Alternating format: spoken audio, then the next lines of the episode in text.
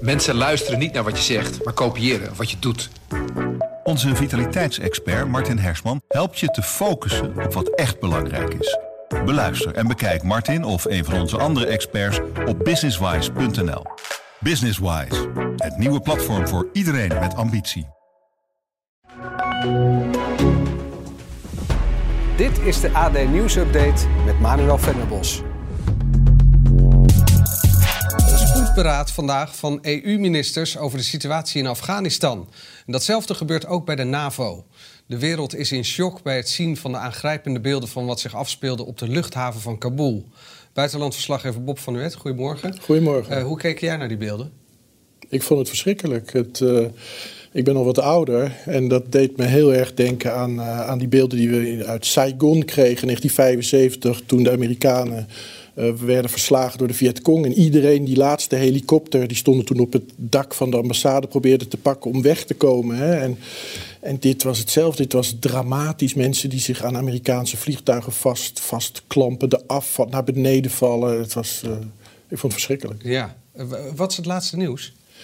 Uh, nou, het laatste nieuws is dat dat vliegveld waar we die verschrikkelijke beelden van zagen, nu voor een deel uh, is ontruimd. De start- en landingsbanen schijnen weer bruikbaar uh, te zijn.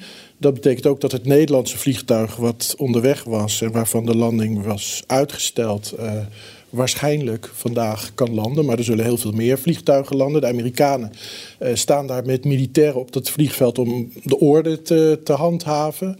Ja, en de verwachting is dat geleidelijk aan die, die vluchten zullen hervatten. Dus ambassadepersoneel, mensen die met uh, westerse organisaties hebben gewerkt, dat die kunnen vertrekken. Oké, okay, dat is goed nieuws. en de Taliban heeft ook nog een uitspraak gedaan, geloof ik. Ja, zo net voordat de uitzending begon meldde het Franse persbureau AFP dat de Taliban uh, een soort amnestie heeft afgekondigd voor iedereen die voor uh, de Afghaanse regering heeft gewerkt. Dat moet je begrijpen als dat alle ambtenaren die dus voor de Afghaanse regering hebben gewerkt, eigenlijk worden uh, opgeroepen om weer op hun werk te verschijnen, zodat het land ja, kan, kan, kan functioneren. Amnestie bedoelen ze dan mee dat niemand zal worden doodgeschoten, zal worden vervolgd, dat soort zaken. Voor zolang als dat duurt. Ja, precies, voor zolang als dat duurt. En de vraag is ook of mensen dat zullen geloven. Want ja, weet je, de, de ervaringen met de Taliban, uh, die vijf jaar dat ze aan de macht waren, die waren niet best. Nee, uh, maar ze zeggen dus eigenlijk uh, gewoon doorwerken, niet het land uitvluchten. Ja, maar dat sluit een beetje aan op die, die, die algemene toon. Hè. Ze, ze, ze, zijn, ze, ze zijn gematigder, zeggen ze zelf. En ja, iedereen wacht dan af of dat ook zo is. Ja, waar we ook op afwachten, de hele wereld wacht af op een reactie van de Amerikaanse president Joe Biden. Die kwam gisteravond laat. The truth is, this did unfold more quickly than we had anticipated. So what's happened? Afghanistan political leaders gave up and fled the country. The Afghan military collapsed, sometime without trying to fight. If anything, the developments of the past week reinforced that ending U.S. military involvement in Afghanistan now was the right decision. American troops cannot and should not be fighting in a war and dying in a war that Afghan forces are not willing to fight for themselves. Ja, wat vind je van dit verhaal, eh, Bob? Dit is een verhaal wat heel duidelijk bestemd is voor het Amerikaanse publiek, voor het uh, thuispubliek. Die zijn in grote meerderheid uh, van mening dat uh, ja, Amerikaanse jongens en meisjes moeten niet sneuvelen in, in, in vreemde landen. Tegelijk klopt het niet helemaal, want hij zegt dan dat uh, de Afghanen uh, wegrenden en nooit hebben gevochten. Er zijn wel 50.000 uh, Afghaanse soldaten gesneuveld in de loop der jaren. Dus dat is een, een beetje makkelijk. Waar, het, waar die ook makkelijk overheen gaat is... Um, Amerika is daar gekomen om terrorisme te bestrijden. Hè. Ze wilden ja. het in Afghanistan aanpakken... zodat Amerika niet nog eens een keer een... Wat hij hiervoor zei is dat, dat, die, dat ze Al-Qaeda wilden bestrijden... Ja. en dat hebben ze gedaan, dus kunnen ze weg. Ja, maar dan hadden ze, dan hadden ze veel eerder weggekund. Want ja. Al-Qaeda hadden ze vrij snel uh, uh, verjaagd en, en, en te pakken. En wat hij zei, dat vond ik ook wel, wel, wel tekenend. We zijn daar niet voor nation building gekomen. Dat wil zeggen, we zijn daar niet gekomen om daar een soort democratische staat van te maken. Nou, de afgelopen twintig jaar hebben ze daar wel heel veel geld in gestoken. Wij ook. Wij hebben de politiemacht daar opgebouwd. Instituties zijn daar opgebouwd. En ja, dat, dat heeft gefaald dat heeft misschien ook te maken met de manier waarop de Amerikanen daar zelf toezicht op hebben gehouden. En op een gegeven moment, moeten we ook eerlijk zeggen, was Afghanistan niet meer zo interessant. China speelde andere zaken, Iran. En, en, ja, en dat eindigt dan op zo'n manier. En dat is toch wel een blamage. Maar dat, dat lijkt me ook uh, voor het Afghaanse volk ook heftig om te horen. Zeker. Zeker, want eigenlijk zei hij dus van ja. Uh, we, we, we, zijn alleen maar gekomen om jullie te helpen, om onszelf te helpen. Dat was het belangrijkste. Wij willen geen terroristen en, en jullie hebben gefaald. Dat is wat hij zegt. En hoe staat Amerika er nu internationaal gezien op? Nou, dit is wel een afgang hoor. Ik heb met wat, uh, wat uh, diplomaten ook gesproken. Dit is echt, echt heel moeilijk te verkopen voor, voor het Westen. Zo van, we komen jullie helpen. Dat lukt dan niet. En dan gaan we er vandoor. En de manier waarop we er vandoor gaan, dat zal iedereen zich wel uh, herinneren, vrees ik. Ja. Uh, tot slot, uh, je zei eigenlijk in het begin van het gesprek... het Nederlandse vliegtuig kan waarschijnlijk landen. Dat is, dat is goed nieuws. Nou ja, de, de start en de landingsbanen zijn nu vrij. Die worden ook vrij gehouden. Daar staan Amerikaanse troepen omheen. Dus dat verkeer begint. Ik denk niet dat wij de eerste in de rij zullen zijn. Amerikanen zelf en andere grote landen zullen dat vast ook doen. Uh, maar het begint, dus de kans is inderdaad groot dat ze vandaag uh, kunnen landen. De Tweede Kamer is terug voor een debat over de opmars van de Taliban in Afghanistan. Eerder vanochtend noemde demissionair minister van Buitenlandse Zaken Sigrid Kaag de situatie in Kabul belabberd. Wij doen er alles aan, de collega's uh, Leilenveld en Broekers-Knol, uh, om zo snel mogelijk uh, mensen terug te kunnen halen. Uh, vluchten zijn onderweg, maar alles hangt af van de lokale situatie, met name de veiligheid en de veiligstelling door de luchthaven van de Amerikaanse troepen. Daar zijn wij geheel van afhankelijk. Op het Binnenhof staat chef politiek Laurens Kok. Laurens, wat doet de overheid nu om Nederlanders in Afghanistan veilig te stellen? Ja, het Nederlandse kabinet is natuurlijk zeer bezorgd, zoals Kaag ook zei net. Um, er is op dit moment uh, een noodteam onderweg, uh, uh, onder leiding van de Nederlandse ambassadeur, met militaire beveiligers, eigenlijk om daar het Nederlandse ambassadeteam af te kunnen lossen en ook om met dat noodteam gespecialiseerd zijn om, om, om samen de evacuatie van Nederlanders en de mensen die voor de Nederlandse missie destijds hebben gewerkt, vooral de tolken en hun families, om dat in goede banen te geleiden. Ja, kunnen die Nederlanders het vliegveld van Kabul wel bereiken? Ja, dat is uh, de vraag. Kijk, voor Nederlanders uh, heeft de Taliban heeft over buitenlanders eerder gezegd van dat zij in principe het land uh, uit mogen. Um, maar overal staan natuurlijk nu al posten.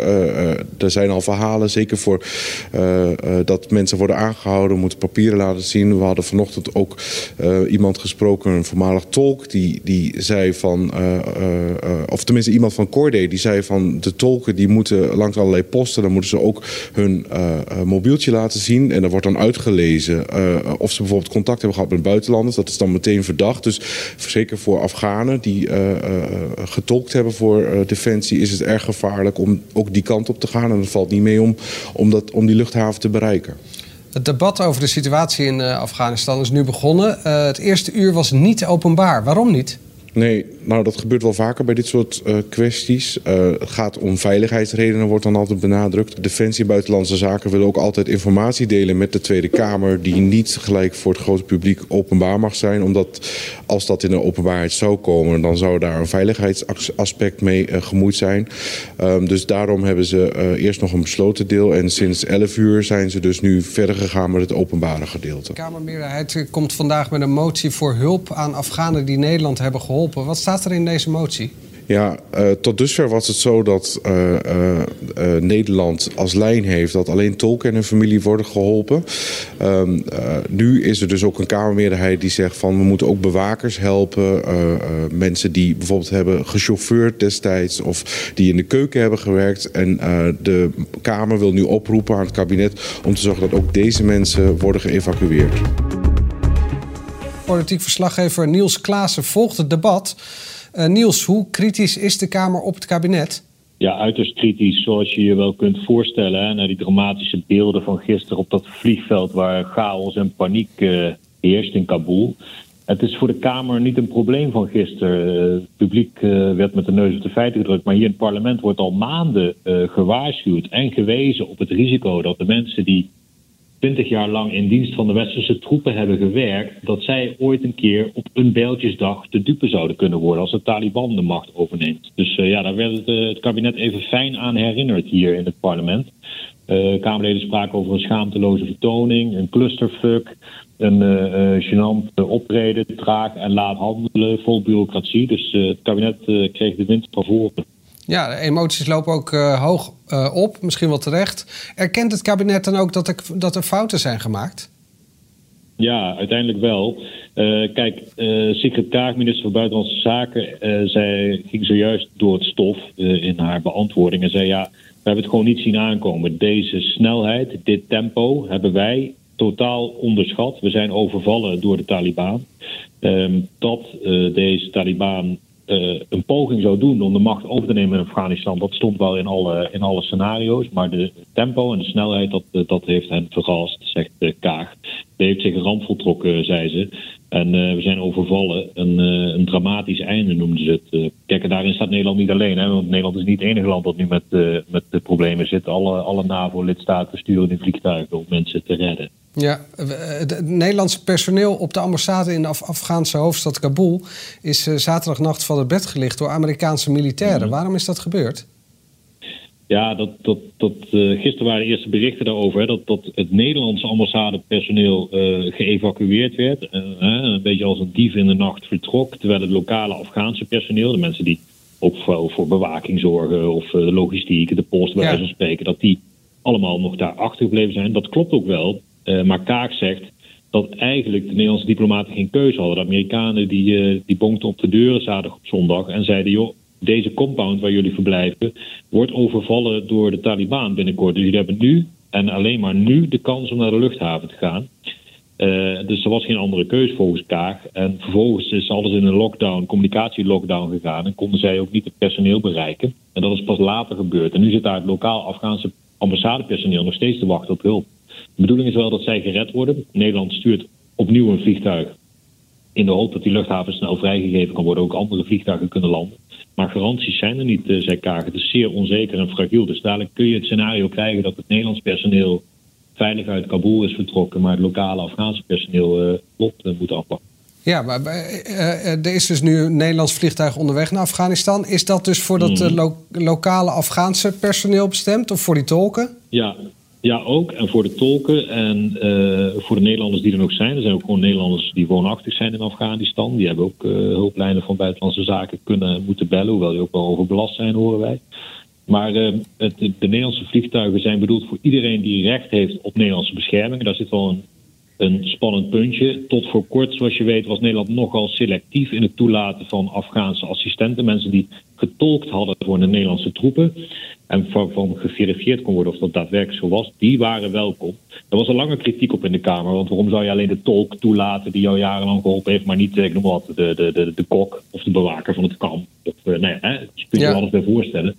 En dat, daar beweegt het kabinet nu wel op. Blijkbaar was daar toch zo'n grote acute crisis voor nodig om, om, om die uh, draai te maken. Want Kaag kondigde zojuist aan in het debat dat de groep, nu de situatie zo dramatisch verslechtert in haar woorden, dat de groep die op Nederlandse hulp kan rekenen veel groter wordt. Dus inderdaad ook mensen die minder lang voor Nederland werken of in lagere functies voor Nederland werken of niet alleen tolken, dat zij ook bescherming verdienen. Maar dan kan het uh, feit zich voordoen dat uh, Nederland de groep vergroot die ze wil beschermen, maar dat het misschien niet meer mogelijk is om hen op tijd te helpen. Want ja, die vluchten gaan nog niet. De Taliban kan nog uh, represailles uitvoeren. Het reizen voor mensen die voor Nederlandse of andere westerse troepen hebben gewerkt kan moeilijker worden de komende tijd. Dus het is eh, een heel breekbare situatie nu. Ja, jij volgt het debat. Hoe moeilijk heeft Kaag? Nou ja, het kabinet, Kaag zit daar, uh, Bijleveld zit daar voor Defensie, Kaag Buitenlandse Zaken, Anke Boekers-Knol voor de asielregelingen. En zij zitten alle drie in een lastig pakket. Het enige dat, dat ze als verzachtende omstandigheid kunnen aanvoeren, en dat doen ze dan ook, is dat dit niet een exclusief Nederlands probleem of uh, uh, fout is die gemaakt is. Dat heel veel landen nu in een enorme chaos uh, proberen, improviserend proberen te evacueren. Omdat ze, en dan wijzen ze toch echt naar Amerika, de Amerikanen ja, als een dief in de nacht vertrokken zijn uit Afghanistan vorige maand. Ja. En ook niet hebben kunnen inschatten, blijkbaar die zogeroemde veiligheidsdiensten met hun intelligence, ook niet hebben kunnen inschatten dat het blijkbaar zo'n walk in the park zou worden, maar even op zijn Engels, in Afghanistan voor de Taliban. Dat zij zo makkelijk provinciehoofdsteden uiteindelijk ook het uh, presidentieel paleis konden bezetten. Eigenlijk zonder tegenstand, zonder een schot te lossen. Niels Klaassen vanuit Den Haag, eh, dankjewel voor je toelichting. Eh, blijf het debat voor ons volgen en dan komen we misschien nog bij je terug. Dan gaan we even terug naar Jan Struijs, die is voorzitter van de Nederlandse Politiebond. Jan, ehm, had de politiek dus afgelopen tijd meer moeten doen? Ja, de politiek had echt meer moeten doen. Ze hebben maanden hebben ze allerlei signalen van militairen en politiemensen die daar hebben gediend gekregen. Die, eh, die kregen via hun, eh, hun contacten daardoor dat het steeds nijpender werd. Zeker de laatste weken. En eh, ja, die hadden een inschatting gemaakt met het terugtrekken van de Amerikanen. Dat, dat de Taliban heel snel zou oprukken. Ook omdat het moraal van de troepen in het leger niet erg groot was. Ja, ik stel toch nog een keer dezelfde vraag, omdat er net de verbinding slecht was. Welke noodsignalen hoor je van Afghaanse collega's die jullie hebben opgeleid en die daar nog zitten? Ja, daar horen we heel veel signalen van. Ook uh, vanmorgen weer. Uh, die zitten nu uh, te wachten dat ze veiligheidspunten krijgen opgegeven waar ze naartoe kunnen gaan om geëvacueerd te worden. sommigen zijn onzeker of ze wel of niet op de lijst staan dat ze naar Nederland of elders kunnen worden gevlogen. ze zijn ondergedoken. we hebben een paar mensen uit het oog verloren. We weten echt niet waar ze zijn, maar we vrezen voor het ergste. En de Taliban is gewoon in de hoofdstad en andere steden heel actief om mensen op te sporen die, uh, die met westerse regimes hebben samengewerkt. Dus het is uh, een hele acute, zeer gevaarlijke situatie. Ja, tegelijkertijd zegt Kaag van Buitenlandse Zaken dat ze voor het evacueren van mensen geheel afhankelijk zijn van Amerikanen. Wat uh, betekent dit voor de agenten die daar dan nu, nu nog zitten? Ja, die herkennen die afhankelijkheid, want die veiligheidspunten die ik niet allemaal ga noemen, om allerlei redenen. Die moeten echt ook veilig gemaakt worden, zodat mensen zich daar niet alleen kunnen melden, maar ook snel geëvacueerd uh, worden. Hè. Uh, en uh, nou, dat is een helft job. Maar je bent een hele grote mate afhankelijk van de Amerikaanse militairen. Ik ben blij dat ze het doen. Maar het is een hele risicovolle klus om bijvoorbeeld de luchthaven en andere punten veilig te krijgen, zodat mensen daar naartoe kunnen gaan en heel snel het kaf van het koren te scheiden. Ja, en dat is, nou ja, het is heel erg chaotisch, kan ik u zeggen. En hoe erg leeft dit bij je Nederlandse collega's? Ja, enorm. ik merk ook veel emotie bij politiemensen. Die, die kennen natuurlijk de mensen waarmee ze in contact staan. Hè. Is, nou, je ziet het in de Kamer, je ziet het bij direct betrokkenen. Want ja, we vrezen allemaal voor, het, voor het ergste en we halen eruit wat we eruit kunnen halen aan mensen. Maar ehm, ja, dit is, dit is erg emotioneel. Ehm, boosheid ook, maar ook absolute alertheid. En tot op het bot gemotiveerd zijn om de Afghaanse collega's te redden.